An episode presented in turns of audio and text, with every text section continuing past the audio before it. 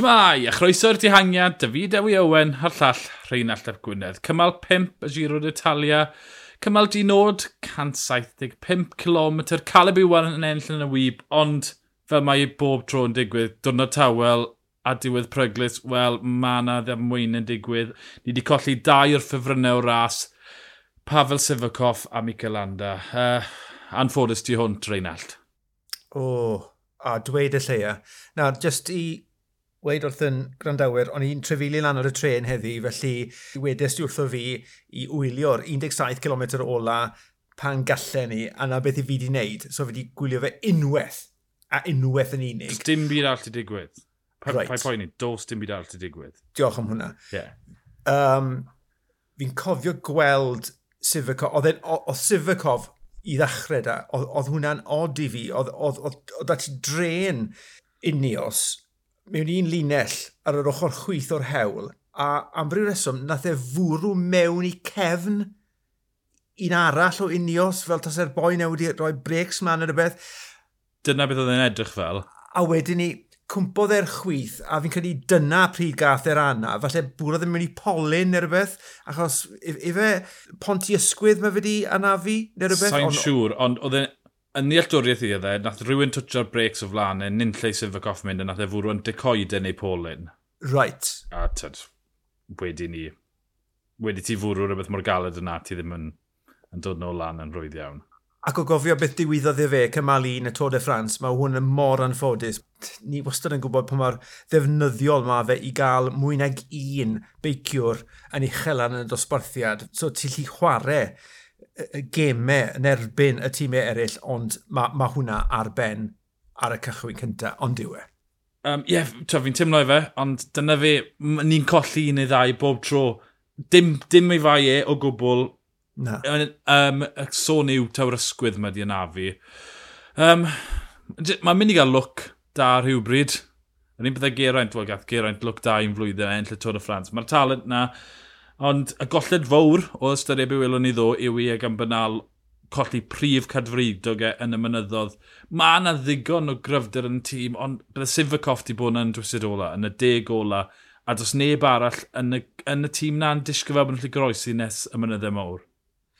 Na, a, a, a o styried y, y cwestiynau sydd yna am gyflwr cefen Egan Bernal, um, un ffordd neu'r llall, bydde Sifakov wedi bod yn gyffeiliad i Bernal wrth symud ymlaen yn y giro, y ffaith bod e'n na, bo, yn gefn i egan. Ie, yeah, um, sorry, fi newydd, fi newydd checo'r rhestr ddechrau mae Dani Martinez na. Felly, dwi, mae yna gryfder a fi bach yn spaced out yno.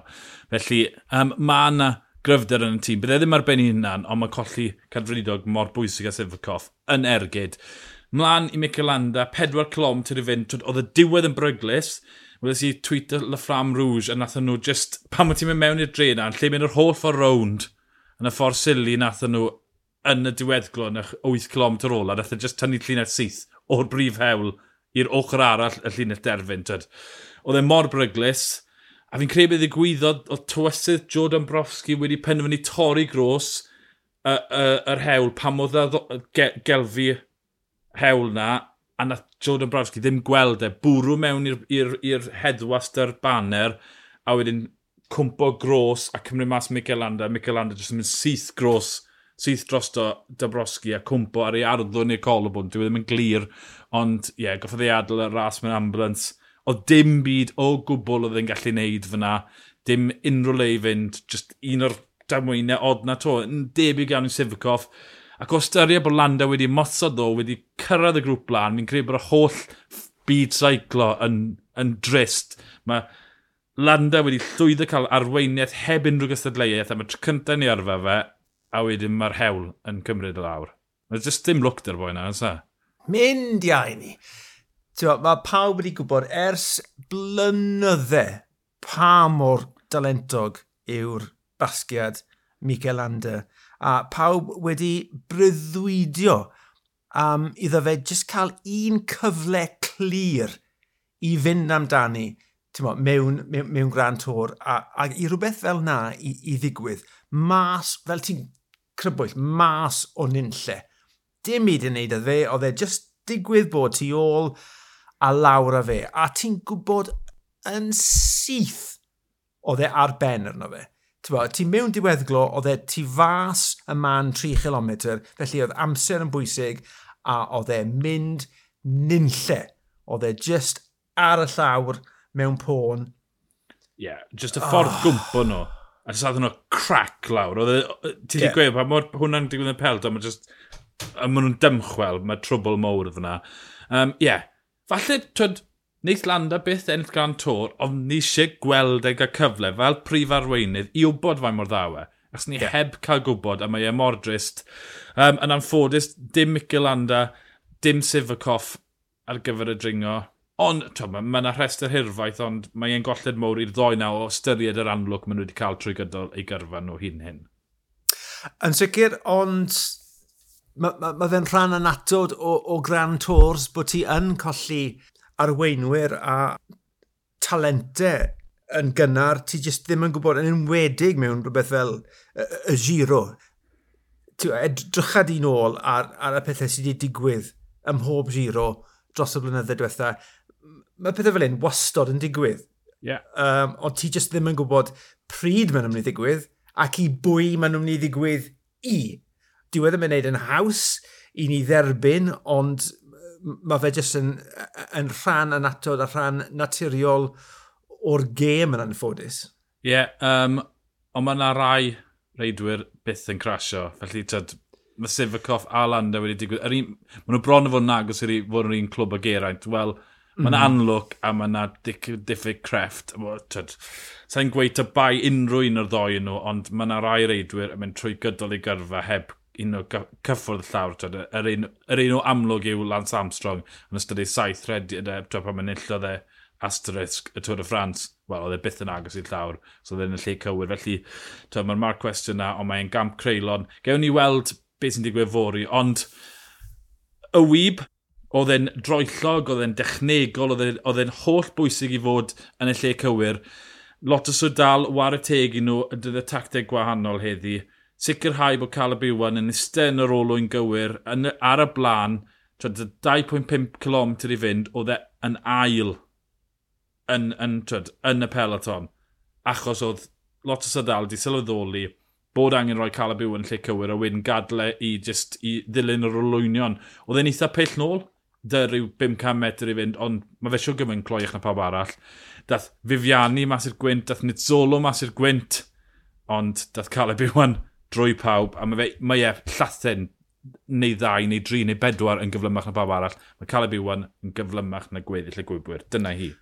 Wel, allai di dychmygu'r sgwrs gath y tîm ar ôl cymal 2. Mm -hmm. o, o, o diweddglo cymal 2 yn eitha technegol a wnaethon nhw smonach o bethau heddi lot yn fwy technegol, felly mae'n amlwg ond nhw'n hollol switch mlaen fel tîm i wneud yn siŵr bod nhw'n mynd i gymryd Caleb trwy'r elfennau yna, a fel i ti'n gweud, rhoi yn y man cywir a wedi gadael i fe i wneud ma fe, beth mae fe'n gret yn ei wneud.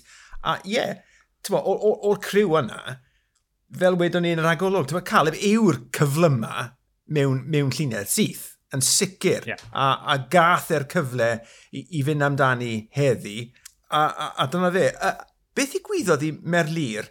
nath rhywbeth i gwydd, a oedd e fel tasau drod e wedi dymas o'r pedal neu rhywbeth, ond nath e, nath e stopo yn yr unfan bron o bod. Ti'n gwybod beth i gwyddoedd fyna? Um, yn ôl y sôn, Chain dath off. Ah. Um, a, tyd, dim i ti lle wneud. Mae wedi colli Cris, ond oedd e disgwyl digon da. Mynd ôl i Caleb Iwan, oedd Caleb Iwan di penderfynu dyn ddim yr lir fel lead out. Achos mae Lir yn mynd, lico mynd yn hir. Caleb Iwan, crit gwibio'r crit yw e. Tyd, yn mm. gwybod sut i'r ras ar ben i hynna, neud y penderfyniadau, gallu neidio mas ar olwyn. Felly, be nath e, oedd dynyddio Merlir fel tywysydd. Os byddai Merlir heb golli'r chain, fi'n credu byddai Iwan di dod rownd e, achos oedd yn y safle cywir. Oedd, oedd Iwan digon cloi i allu fynd o amgylch Merlir pan mae'r rafodd y lawr, a wedyn gwau hynna'n trwyddo. Felly, ie, yeah, anffawd, ond pan mae Caleb Iwan yn y ffom na ac yn, yn union lle cywir, wel, dim lot o beth pawb arall. Coman yn solo, mae wedi cwpla yn yr ail safle, 12, 13 tro na'r heb ennill yn y giro. Um, okay, y broblem yw, dwi e ddim digon cloi. Ond ti'n meddwl, ar ôl bwrw'r tyd, y degfed, yr un ar ddegfed tro, bydde e unwaith prim ar tyd, mae popeth yn mynd yn berffaith, ydy'r gwibio'r cyflym ddim cweit yn gallu gwau hyn trwyddo. Mae Jack Coleman yn sôl yn heid i cymal siwd gymaint. Bloody hell, Caleb. Dwgyd o Giacomo. Falle dylse fe trial bod y fach y fwy clyfar, falle agor yn gynt neu rhywbeth achos mae wedi profi deuddeg gwaith neu beth bynnag na dyw e ddim yn gallu goroesi trwy ddilyn. Felly mae ma rhaid iddo fe ffindo rhyw dechneg arall. O girodd y Fifiani yn, yn iawn. Felly dwi e ddim o'r slow yna, Mae jyst eisiau'r ffactor, mae eisiau'r ffactorau fod e, yn gywir i fe. Pen campwr yr Eidal, pen campwr Ewrop, ti'n bo, mae fe'n heiddi clod, ond falle ffindo techneg arall, sa'n bo. Ie, yeah, wel, dim cyfle i Dodgers Comon yn solo ennill fori, mae nhw'n dringo. Mae'r ffefrynnau yn mynd i cael chwarae. Um, cant 60 km weddol byr i asgylu. Mae'n benni'r ringfa o 17 km, 600 ar gyfer taled, ond mae'r 5 km ola yn brathu, mae e'n mynd lan i'r pwynt na 80 y cant lle mae'r dringwyr pyr yn mynd i gael effaith. Mae rhyw 3,500 metr o ddringo i gyd ar y dydd na. Felly, twyd, dim yn dwrnod anferthol, ond mae e yn debyg o ran gofyn i ffefrynnau'r dosbarthydd cyffredinol ran ped, o cyma pedwar ond holl o wannol. Mae'r os oedd y dringfa ola yna yng Nghymru pedwar rhyw gwarter awr ymdrech, ond o'n nhw'n bod yn dringo trwy dydd, mae hwn yn mynd i fod yn, yn, yn swmpus, mae hwn yn mynd i fod yn agosach at yr awr. Felly ddim cweit yn bwrw'r awr, yn rhywbeth fel tri chwarter awr o ddingo. Felly, ni'n mynd i gael cliw arall, sy'n greu ni'n mynd i gael ateb. Na, ond o, o gofio beth ddigwyddodd byddwrnod, mae'n mae glir i weld bod llon llaw o, o feicwyr yn barod i fwrw mas yn gynnar er mwyn ennill eiliadau. Drych, ti edrych ar y 9 km cynta, bod, power climb maen nhw'n galw hwnna, ynddo fe? Mm -hmm. 6% bod, geid i dren mynydd ar y blaen yn tynnu'n galed yn trial gwaghau'r tanc tu ôl a wedyn i'r 5 km ola lle mae'r graddiant yn codi yna bydd y peloton siŵr o fod yn, yn lon llaw a wedyn ni bydd y ffefrynnau yn dod mas i chwarae. Bo, mae ma nhw eisiau'r eiliadau yna. Dyn nhw ddim yn mynd i aros tan yr wythnos ola. Mae ma nhw'n mynd i gnoi darnau allan o'i gilydd bod, tan y diwedd dwi'n credu. Sa'n gweld un o'r, un or grŵp, twyd, y grŵp o ddeg eiliad o'i gilydd, wel, o'n o'n disgwyl digon da, a hyd yn os mae un o'r unna'n colli amser, dyw e ddim ar ben arno hi o, o ystyried bod y drydydd wythnos a ond bwchwyn oh, yeah. y nibli, mae'n marcio cwestiwn, er ta'r 30 eiliad colta nhw, rhywna, os maen nhw'n performio wael am yr ail trydydd tro, wedyn mae'n dechrau, ti'n dechrau mynd, wel, come on, mae eisiau siap o lan yn chi. Um, ond bydd yn ddiddorol gweld, cyf, wir cyfle dy dihangiad, sa'n gweld bod tîmer dosbarthu cyffredinol am wastraffu egni am ddeg eiliad y fonws, achos mae'r ma gêm di newid, dyw e ddim yn mynd i fod yn gran tor agos, wel, croes i bysau bod e, ond mae'r cyfle na, mae'n yn funider a hewl, felly gen i ddau ras mewn un, dihangiad a wedyn y ffefrynnau. Cytuno. Disgwyl mlaen, ti yn y blwch sylwebu fori? Dwi yn edrych mlaen. Mae wedi bod fel oes dwi'n wir yn edrych mlaen i weld pawb ac i just fod nôl yn y cyfrwy yn neud beth i ni'n caru gwneud. Ie, yeah, gen i weld fori os yw Simon Yates yn cadw egni, os yw Remco yn cadw egni, os oes rhywun fel Bynal yn moyn dangos i'r gweddill, wel fi wedi dod i waren yn mynyddodd mawr.